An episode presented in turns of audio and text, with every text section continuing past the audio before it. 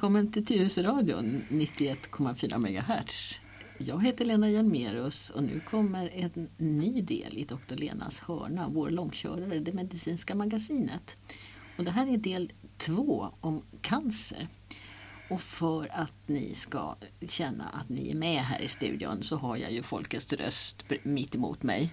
Leif Bratt menar du då? Ja, ja. visst. Och en allmänbildad och du representerar hela Tyresös befolkning och lite till alla som lyssnar på det här programmet. Ja. Vilket ansvar på dina axlar. Ja, men det är tur att det ser ut som en Tuborgflaska då, alltså det rinner av med det där ansvaret. Leif, eh, har du funderat något på sen sist? Vi, förra gången pratade vi liksom lite allmänt om vad är cancer och hur uppstår det och sådär.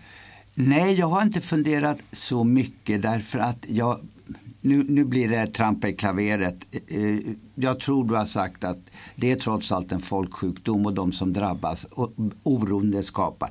Men jag fokuserade mer på det du sa om Alltså, vi har blivit bättre, bättre, bättre, bättre på det här. Det är inte längre ett, ett, ett dödsbud, det är en kronisk sjukdom. Eller vad ska. Alltså, man kommer få dras med det men man kan väldigt ofta numera hantera cancern. Ja. Det, det var mina tankar. Ja. Nu när vi spelar in det här så är det dagen efter som Sara Daniels dog i sin bröstcancer. Hon var ju väldigt öppen med att hon hade det.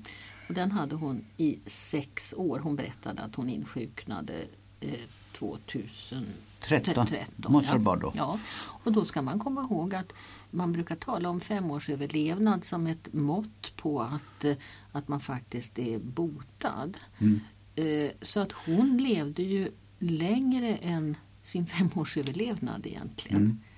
Eh, sen kan man ju alltid fundera hur, på vilket sätt och hur mådde hon och där. Men under, under förra året, under Svenska Akademins stridigheter så var det nog ingen som uppfattade att hon var sjuk.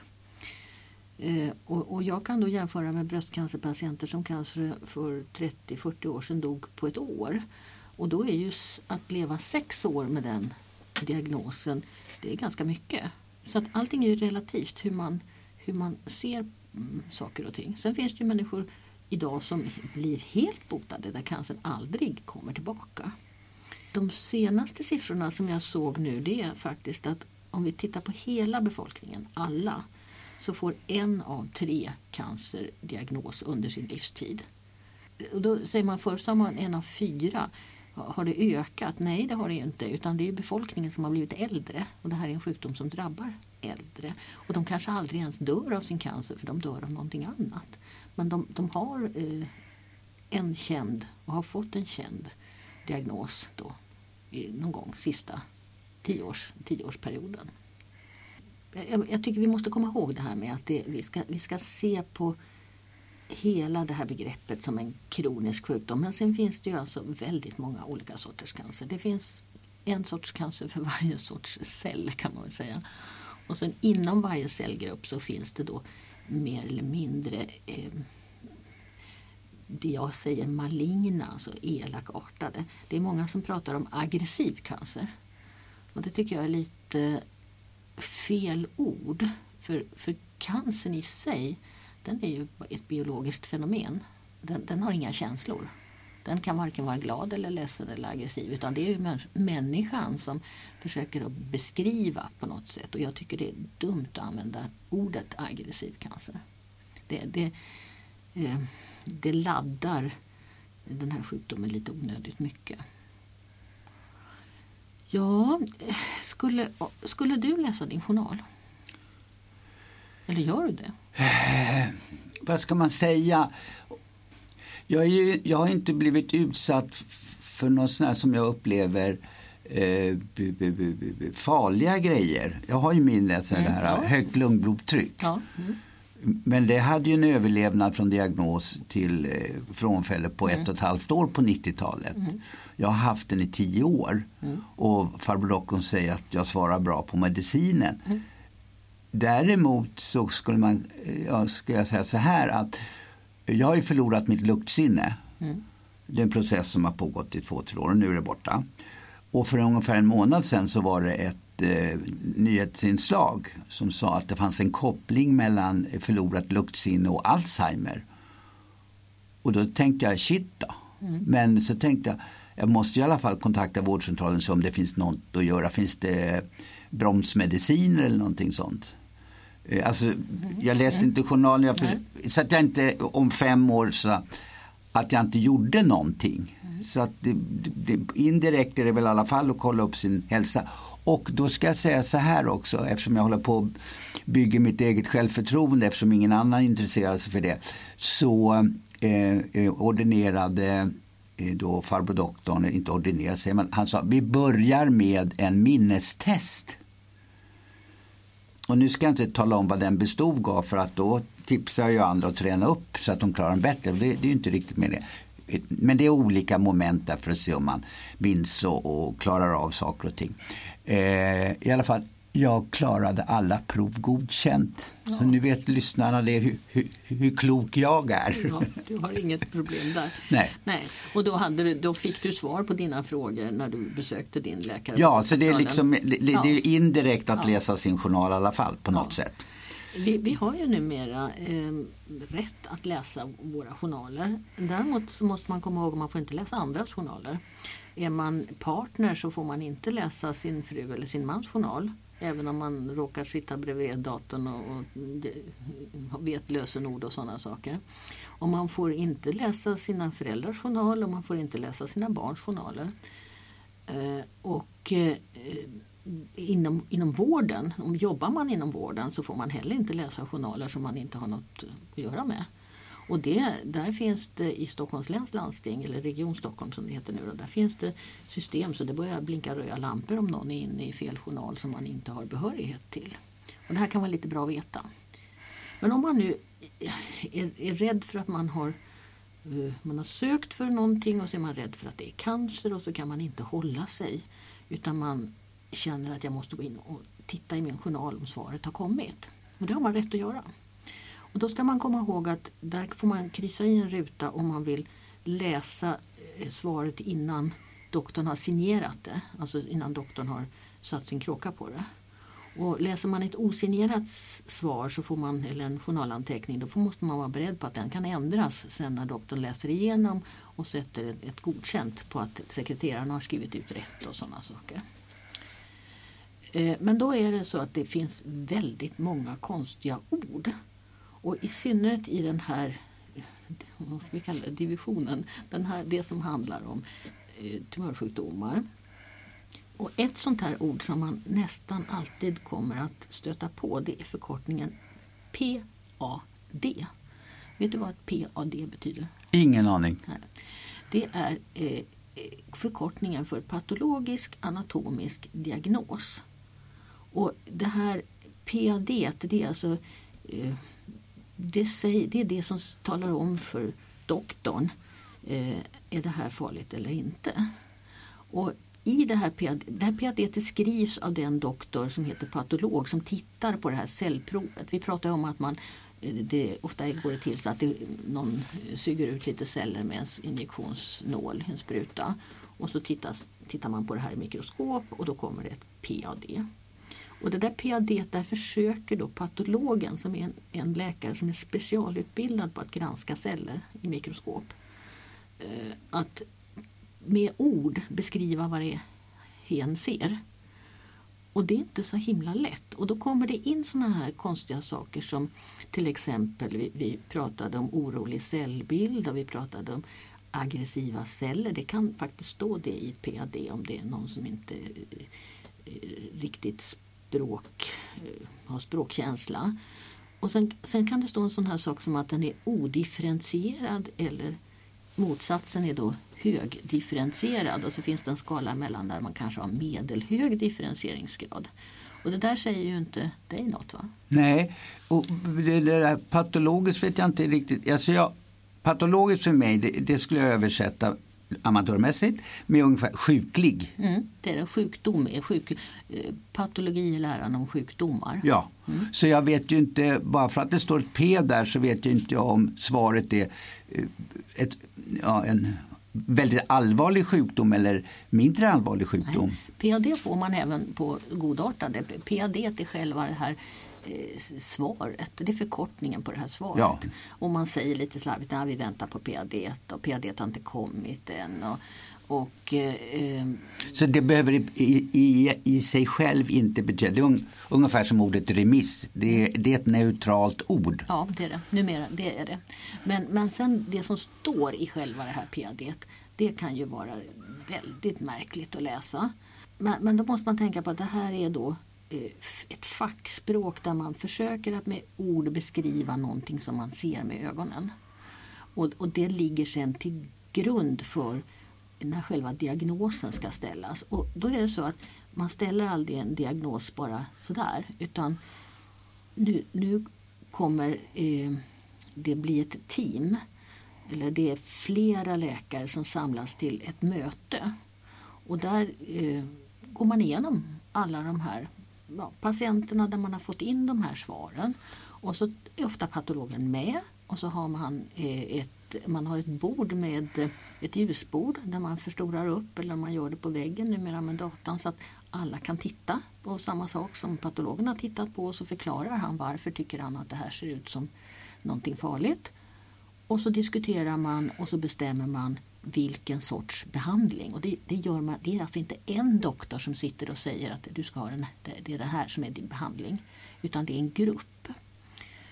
Men är det inte också så här för att det här med ord för att förenkla tillvaron och inte behöva skriva romaner och såna här saker så, så har man, ja, i läkarvärlden är det väl oftast någon sån latinska grejer. Och då vet läkarna direkt vad, vad det handlar om istället för att det behöver vara en lång beskrivning. Mm. Och men det, där finns ja. ju många yrken ja, ja, att man har. Det är ett riktigt eh, förkortningsrikt och, och det, är ett, det är ett fackspråk. Ja. Och det har ju alla andra yrken också. Bilmekanikerna har sina fackuttryck och snickarna har sina och, och inom sjukvården har man sina. Den här, det här mötet, den här behandlingskonferensen eller vad vi ska kalla det, onkologiska konferensen, medicinska konferensen, det har lite olika namn. Onkologiska? Eh, cancer, ja. ja. Eh, det, det kallas lite olika på olika kliniker. Men eh, där får inte, eller är patienten i allmänhet inte med någon enstaka gång kan det vara så att en patient sitter ute i ett väntrum och får komma in och så får man känna på knölen till exempel. Men det är väldigt sällsynt. Utan det här är, är möten som i allmänhet sker en eller två gånger i veckan och eh, då har man ett stort antal sådana här mm, fall, patientärenden mm, som man går igenom och så bestämmer man. Och då finns det i, i någon slags, i, i vårdprogrammen så finns det redan föreslaget att för den sortens cancer så väljer man i första hand den här behandlingen. Och det grundar man då på stora eh, studier, stora forskningsstudier där man liksom har vad som man tror just nu är det mest effektiva. Får jag fråga, hur, ser, alltså, hur, hur många gånger har du hört eh, någon kollega säga då, vi pratar då cancersjukdomar, så här, jag gjorde en felbedömning. Mm. Hur, hur, vanligt eller ovanligt är det? Alltså det här, man tittar på enstaka celler och så försöker man att lägga ett pussel tillsammans med hur lång tid har det tagit innan det har kommit? Hur mår patienten? Hur ser andra värden ut? Eh, och det, det är inte så himla enkelt. På den tiden, ja, ska vi säga 20 år sedan, då var det ganska vanligt när bröstcancer att man man var rätt så säker på att det var en bröstcancer och sen under operationen så skickade man en liten bit direkt för det som kallas för fryssnitt. Så man tittade på vävnaden eh, samtidigt som operationen pågick för att vara helt säker på att det verkligen var rätt. Och där hände det någon enstaka gång ibland att frysnittet friade och så sydde man upp igen och sa att det här var ingen cancer, det här var något annat. Men idag har vi kommit mycket längre när det gäller kartläggningen innan en operation. Så att jag tror att den typen av extra vad ska jag säga, testning under pågående operation den, gör man, den behöver man inte göra på samma sätt. Men, men däremot så, så, eh, så händer det nog fortfarande att man opererar bort någonting och tror att det är cancer och sen så visar det sig att det var inte det. Och, och, det som är svårt det är naturligtvis när det är röntgenbilder. lungcancer kan vara jättesvårt. Det finns så mycket annat som sitter i lungorna eh, som kan lämna ärr och stråk och, och medfödda förändringar som kan feltolkas. Eh, och även om man sticker ner slangar i lungorna och försöker ta provbitar direkt ifrån det här området idag så, så ibland så blir det en feldiagnos. Ja, men det, det är inte speciellt vanligt? Nej, det är det inte. Nej, det var Nej. dit jag ville ja, komma. Ja. Man. Nej, och det finns allt, också någonting som det brukar skrivas om ibland i tidningarna. Att man har som patient rätt att få en andra bedömning. Eh, om man liksom inte tror på doktorns diagnos så kan man få den prövad av en, av en annan doktor. När det gäller cancer då är det ganska ovanligt men när det gäller andra sjukdomar så, så händer det nog att man omprövar en diagnos för det, det här är inte så enkelt. Nej. Nej. Det här med odifferentierad och högdifferentierad, det, ska man översätta det till svenska så handlar en, en odifferentierad eh, do, cellbild, då är kan, eh, den här sjuka cellen väldigt svår. att den har, den har blivit så sjuk så den liknar inte längre den ursprungliga cellsorten. Eh, är den högdifferentierad, ja men då kanske den till och med har med sig de egenskaper som den ursprungliga cellen har. Den kanske kan bilda hormoner till exempel och sådana saker. Eh, så att det är ett sämre tecken med odifferentierad cancer än med högdifferentierad cancer. Samtidigt så är medicinerna ofta mycket mer effektiva på den här väldigt sjuka cellen, den odifferentierade. Så att när det gäller behandling så är det lite svårare att behandla den som är högdifferentierad. Eh, så det här, ja, det väger, det, det väger upp varann så att säga. Mm. mm. Sen blir, jag har ju jobbat mycket med cancer och jag blir ibland också lite upprörd över det här språket som är så krigiskt. Ehm. Du pratade om aggressivitet förut. Ja, och det fanns på 70-talet en rörelse i Amerika där man verkligen skulle mentalt bekämpa fiendecellerna. Man skulle rita och visualisera de här som, som angripare och som eh, och, och, klarade man inte att, att, att, se de här framför sig så förlorade man slaget mot cancern och det är kriget mot cancern och det, det är eh, strålkanoner till exempel och när man tar de här cellproverna så använder man en pistol, alltså en, eh, en provtagningspistol och man skjuter alltså för att ta det här provet. Och, och jag tycker det, det skapar en onödig ångest. Vi kan lika gärna säga en, en injektionsprovtagning. Vi behöver inte hålla på och prata om sånt. Vi kan säga strålbehandlingsmaskin. Eh, vi kan eh, eh, uppmuntra folk att, att eh, må bra på andra sätt än att säga att man ska föra. Därför att den som då förlorar om man har det här aggressiva språkbruket, det här krigiska språkbruket, den, den förlorar så stort. Eh, då, då, lider man ju så att säga nederlag. Och, och cancer, det, vi kan inte mentalt bekämpa. Eh, men däremot så kan vi ju försöka må så bra som möjligt. Och, och människor som får cancer behöver väldigt mycket stöd. Och då är det, tycker jag då som har varit psykiater på Radiumhemmet ett år, att det är så himla dumt att hålla på med det här språkbruket. Men det förekommer fortfarande. Jaha. Mm. Och inte minst när det gäller att välja behandling. Mm. För där är det då första linjens behandling och så kommer andra linjens behandling och så kommer tredje linjens behandling och fjärde linjens behandling och kanske till och med femte linjens behandling. Och det, det är ju så att säga istället för att säga det här är det, den här behandlingen börjar vi med. Och fungerar inte den då tar vi den här behandlingen. Mm. Vi behöver inte ha det här eh, militära språket. Men det är som sagt eh, det, det, får man kanske som patient har man, är man i ett sånt underläge så man kan, ja, man kan protestera. Det kan man ju alltid göra. Ja. Ja, ja eh, det var journalen och det var lite grann om orden. Eh, Får jag, mm. när du säger orden där så fick jag en fråga från någon jag mötte i centrum som visste att vi gjorde de här mm. programmen. Som undrade över eh, varför säger vi alltid hjärntumör och vi säger skelettcancer, alltså vi säger aldrig hjärncancer eller skeletttumör. Är det olika typ? Jag förstår att organen är olika, men varför säger man i ena fallet alltid tumör och i andra fallet alltid cancer? Det är också ord... Eh. Ja, och det här, här slarvas det ju väldigt mycket. Eh, hela, hela ordet cancer har liksom blivit någon slags eh, kasse där man stoppar ner allting. Om vi börjar med hjärntumörerna så finns det väldigt många olika sorters vävnad inne i hjärnan. Det är inte bara hjärnväv, alltså hjärnceller, utan det finns eh, eh, åtminstone tre, fyra, fem olika sorters celler inne i hjärnan. Och de var och en kan i sin tur då till exempel bilda ett gliom eller ett neuroblastom. Alltså det, det, Vad de där fina orden? Ja, det? ja, det är alltså det som säger mig då, vilken sorts cell. Jaha. Är det vit hjärtsubstans, är det grå hjärtsubstans, vilken vars, eh, ja, bind, är det bindvävnad som håller ihop emellan? Och, så att eh, hjärntumör det har blivit eh, egentligen kanske mest om det har börjat i hjärnan. Eh, sen är, är hjärnan har väldigt stort blodflöde. Eh, det, det, är det är på det sättet hjärnan funkar. Att, eh, en fjärdedel av allt blod går direkt upp i hjärnan.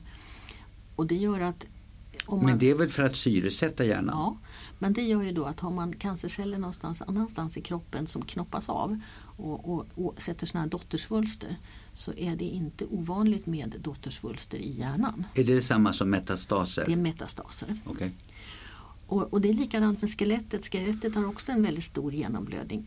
De, eh, själva byggstenarna i skelettet de kan bilda cancer. Men då får vi en sån här blodcancer som vi pratat om förut som heter myelom. Eh, men eh, det är väldigt, väldigt vanligt med eh, metastaser, dottersvulster i själva skelettet och framförallt i de långa rörbenen. Är det då, ska jag tolka ditt svar som att vi säger vanligtvis då, då cancer om sådana cancer som lätt ger metastaser och tumörer är mer isolerade, kan man säga så? Det skulle man kunna säga. Ja. Tumör indikerar lite grann att det är där det har börjat. Ja. Ehm, Men det här är alltså vi inom vården försöker vara mycket mer exakta när vi pratar. Men så ska man förklara det och så folk snappar upp och man pratar med varann och så blir det lite såna här eh, förvecklingar. Mm. Och det har ju att göra med att ordet är så laddat i sig. Ja. Ja. Vi, vi pratade lite grann då om att man, det här med att man, det blir en konferens. Och eh, innan kanske man kommer till konferensen så ska jag också säga då att man försöker alltid kartlägga, har det spritt sig eller inte? Och då eh, in, innan den här konferensen så försöker man ha så mycket fakta om den här patienten och den här sjukdomen som möjligt. Och, och då förekommer det ibland om man läser sin journal ett engelskt ord som heter Centennial Node. En gång till. Centi- centen- ten- ten- nej, jag kan inte uttala det. heller. Centennial, eller det? Det måste århundrade eller någonting Ja, sånt. nej, det, det, handlar, det här ska, ska man översätta det på svenska kallas det för portvaktskörtel. Jaha. Alltså lymfkörtlarna. Och det hette på engelska? Sentinel Ja. eh, node. Och det, det är den första lymfkörteln som sitter närmast den här cancern. Om den nu sitter i magsäcken eller i lungan eller någonstans. Och då försöker man se redan innan i den här kartläggningen om den är angripen. Och det gör man då med speciell teknik. Man kan göra det med ultraljud, man kan göra det med färgningar. Eh, och det är vid bröstcancer och vid en del underlivscancer som man verkligen försöker se, har det spritt sig till lymfsystemet eller inte? För det här är väldigt viktigt sen när man väljer behandling och när man väljer operationsmetod och sådana saker. Ehm, man kan googla på det där om man vill veta mera. Sen när det här konferensen har, har, det här mötet har varit, tyvärr är de väl ofta på fredagar, eller ska jag säga. Och sen så vet patienten att de kommer att diskutera mig på fredag och så får man gå över helgen och vänta på att någon ska ringa på måndag eller tisdag och tala om eh, eller man blir kallad till en, ett, ett återbesök då veckan efter. Och då är, kommer det massor med information och då är det bra om man har någon med sig. Och det brukar man när man kallar till det här mötet efter konferensen så brukar man eh, kalla skriftligt och man brukar också skriva då att det är bra om du har någon med dig. Därför att den enda sjuka personen har inte en chans att ta in all information. Ehm, jag har också jobbat ganska mycket med det här att lära kollegor hur pratar man om cancer och hur överlämnar man information och hur mycket information eh, kan man ge och, och, hur snabbt och hur säger man och sådana saker. Och det här är, det är jättesvårt därför att det är så många saker som, som den sjuke ska ha reda på. Men alltså varför har man inte konferensen på måndagar så man redan på tisdagen kan... Ja. Man har nog använt veckan till att samla in alla de här uppgifterna. Man försöker ju att det här ska gå så fort som möjligt. Ja, men då slapp de ju gå och vänta över helgen. Ja, och det, det, eh, det är svårt det där med att veta att de har bestämt någonting och så får inte jag som patient reda på det riktigt på en gång. Mm. Och även om man går in då i sin journal och försöker läsa så kanske det inte är utskrivet än. Det är dikterat en, en anteckning om den här konferensen men det är inte i skrift. Ja, eh, det som, den information som det brukar handla om då det är en del, hel del praktiska saker. Och det är sånt här som att eh, eh om, man, om man ska ha eh, cytostatika behandling, alltså det som då vi sagt kallas för cellgift. Då är, ska man ofta ha en liten eh, jag brukar kalla det för en knäckform för den ser ut ungefär som det. Inopererad under huden och där sitter en slang in i blodådrarna, in i en stor blodåder. Man brukar sätta de här uppe på bröstkorgen ungefär under nyckelbenet. Det finns en variant som man kan sätta också i armen som är lite mindre. De här har funnits nu i 30 år och de är jättebra. I den här knäcken, upp och nervända knäcken, botten på knäckformen finns det en, ett membran, en hinna. Ja. Hur stor är den här knäckformen? Ja, den är som en knäck alltså. Ja. Eh, då vet alla precis hur den ser ut. Och, ja. och då, den där eh, eh, membranet den kan man sticka med en speciell nål igenom nästan hur många gånger som helst. Och det gör att man, man har en direkt infart, en direkt access pratar vi om, en, en tillgång till det stora blodsystemet. Sen i den här knäcken så måste man se till att inte blodet stelnar. Och därför så lägger man alltid lite ett medel som heter heparin för att Eh, som ett lås, som ett vattenlås i ett avlopp ungefär. Så att eh, det inte eh, bildas koagler, alltså blodproppar. Levrar sig? Ja. Men eh, den här lilla knäcken den ska ju opereras in. Det är en enkel operation men den ska ändå göras. Så det är bland det första så att det ska planeras för en en sån här eh, liten operation. Ja. Jag bara undrar, så här, du ser, man lägger den vid stora blodådror så här, mm. och stor som en knäckform. Mm. Den är ju mm. rätt stor ur medicinsk synpunkt tycker jag då som mm. inte är så insatt. När jag tar varanprover då sticker de bara här då får de ut blod i fingertoppen. Ja. Det är för lite blod alltså? Ja, det är för liten blodåder. När man ska ge de här starka lösningarna eh, kanske många gånger under en lång tid då skulle blodådrorna ärra ihop annars. Aha. Så därför måste man ha en, en, eh, ett hål in i blodsystemet så man kan spruta in saker. Ehm, och det, när, de här, när de här, de kallas för portar, de här venportar. Och när de kom, eh, jag minns ju hur revolutionerande det var. Det var fantastiskt alltså att man kunde. Och nu är det en sån här standardgrej att vet man att man ska ha cellgift cytostatika behandling eh, under en längre tid då ska man ha en sån här inopererad grej. Eh, sen så är det ju så att många som har fått en cancersjukdom har gått ner i vikt. Och för att man ska klara de här behandlingarna och för att man ska klara en operation så måste man väga lite mer. Och det gör att man också ganska omgående får en kontakt med en dietist. Det finns speciella dietister som är knutna då till de här olika eh, vad ska vi säga, cancerklinikerna. Man kanske behöver till och med lite blod innan om man vet att det är en stor operation.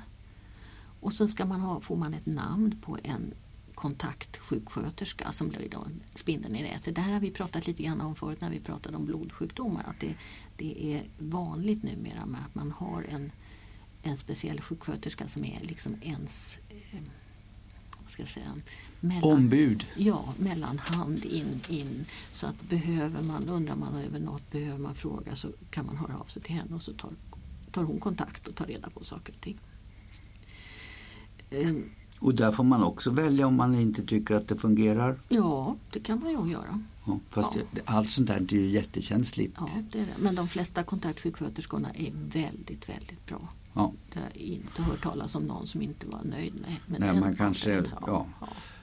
Chefen har sett att det där verkar vara en social person så att då får man också rollen som och de kontakt. Har, de har en speciell utbildning. Ja.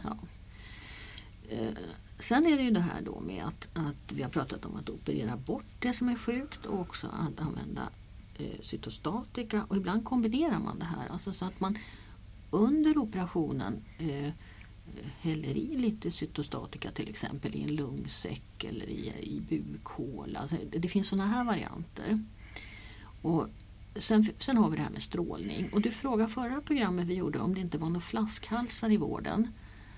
Och, och då är det nog fortfarande så att det är brist på strålningsmaskiner. Nu ska jag inte säga kanoner här, utan strålningsmaskiner. Eh, och eh, de har ju också en begränsad livslängd. Och jag minns då när jag var på Radiumhemmet hur vi diskuterade den här långa tiden att liksom hela tiden se till att man har eh, apparatur som håller eh, för alla de behandlingarna som ska genomföras. Och det har varit nu en period här i Region Stockholm då man har blivit erbjuden att åka till Eskilstuna eller till Örebro och få sin strålning där. Och då tycker jag man ska tacka ja till det. För de har lika bra apparater där. De kanske till och med har nyare och modernare apparater där. Och så får man bo på ett patienthotell och så uh, får man liksom koncentrera sig på då att man får sin behandling där. Så det är inget, det är inget tokigt alls att bli erbjuden eh, strålbehandling på annan ort. Därför att Stockholm har alltså, nu har man ju byggt om Nya Karolinska men, men eh, befolkningen har vuxit så pass mycket så jag tror faktiskt att det finns en flaskhals just när det gäller strålning i Stockholm fortfarande. Mm. Ehm. Det är som att vara, föda barn, får man åka till Finland ibland? Ja, och man kanske får åka till Åland och få strålning mm. också. Alltså det, det, det, ehm, det, finns ju idag ett sådant samarbete mellan olika eh, enheter och det är också så att man har delat upp behandlingen av olika sorters cancer lite grann. Så att en del sköts bara på Huddinge, en del sköts på Södersjukhuset och en del sköts på Karolinska. Eh, de här oklara som man inte man håller på och utreder väldigt mycket, man inte riktigt hittar vad det är. Det var ju då Södertälje och Danderyd. Så att man har fördelat det inom regionen och, mm, så att de bästa, de som kan mest om just den här eh, sorten eh, är samlade på ett ställe. Så det ska inte vara någon sån där bättre eller sämre. Det är inte bättre att komma till Karolinska än till Huddinge eller så. Mm. Det, det är ordnat så att man, man ska få den bästa möjliga vården. Sen har det ju kommit en del nya läkemedel och det är framförallt de här eh, det har skrivits en del om dem och det var ett Nobelpris för några år sedan. Det som kallas för monoklonala antikroppar. Det är alltså skräddarsydda motståndsceller som liksom man sprutar in eller på något sätt tillför och så söker de upp nu är jag inne på det här krigiska igen, målsökande raketer. De söker upp sina cancerceller och förgör dem på plats. Man kan väl säga då, de dejtar, de bjuder, ja, in, bjuder de. in till dejt ja. med den där ja. Ja, så, så, kan vi säga. ja. ska vara lite mer. Det, blir, man, det är så vanligt det här krigiska språket så jag, jag hittar inga andra ord riktigt Nej. heller. Trots att jag försöker. Då har du dejt gratis från ja, mig. Ja. Men i alla fall så har ju då behandlingen, det är tufft att gå på strålbehandlingen. Det är tufft att få cellgiftsbehandling eller cytostatika. Eh, monoklonala antikroppar är inte riktigt lika mycket biverkningar med. Men är det lika effektivt? Ja, det är, det är alltså vissa sorter och det, det som har varit mest framgångsrikt det är ju den här otäcka hudcancern som kallas för malignt melanom. Där man får mm, svarta fläckar, eh, svarta födelsemärken. Eh, och där har det verkligen revolutionerat eh, prognosen och andelen som faktiskt botas. Mm. och det, det, finns just nu väldigt många nya preparat. Jag såg att eh, om man är intresserad av pengar och aktier och Astra så har, har Astra två nya cancerpreparat i den här branschen med monoklonala antikroppar som man har fått väldigt eh, lovande resultat på. Så att vi ska väl vara lite stolta då. Ja, nu är Astra kanske inte så mycket svenskt längre men, men eh, svenska forskare ligger långt framme i den här att ta fram nya cancermedel. Eh, vi har snart förbrukat vår halvtimme här Leif. Jag tänkte att nästa program så ska vi prata lite mer om de vanligaste sorternas cancer.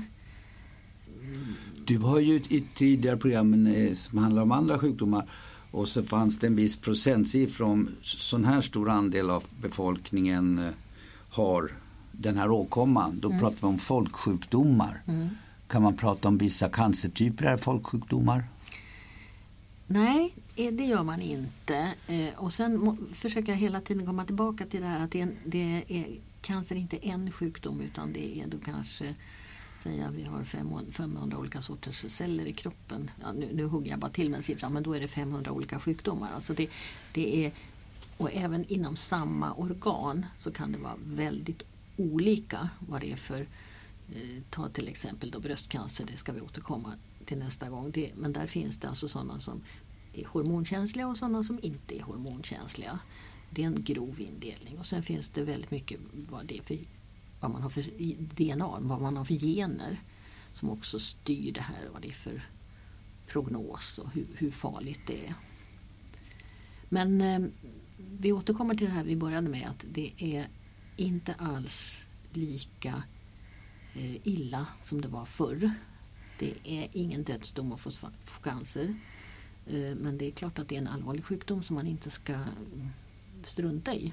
Utan är man orolig så ska man söka sin vårdcentral och doktorn på vårdcentralen kommer att ta en på allvar och kanske göra något, lite kompletterande undersökningar och sen så eh, får man, om det är en stark misstanke på cancer, så får man då en remiss och, och ska få en relativt snabb handläggning. Um, vi slutar där idag tror jag. Ja. ja. Jag ska inte avbryta dig fler gånger idag. ja, vi säger tack och hej till publiken då, eller ja. lyssnarna, inte publik, lyssnarna. Ja. Eh, och så återkommer vi om tre veckor med ett nytt avsnitt. Mm, så får det bli. Hej så länge.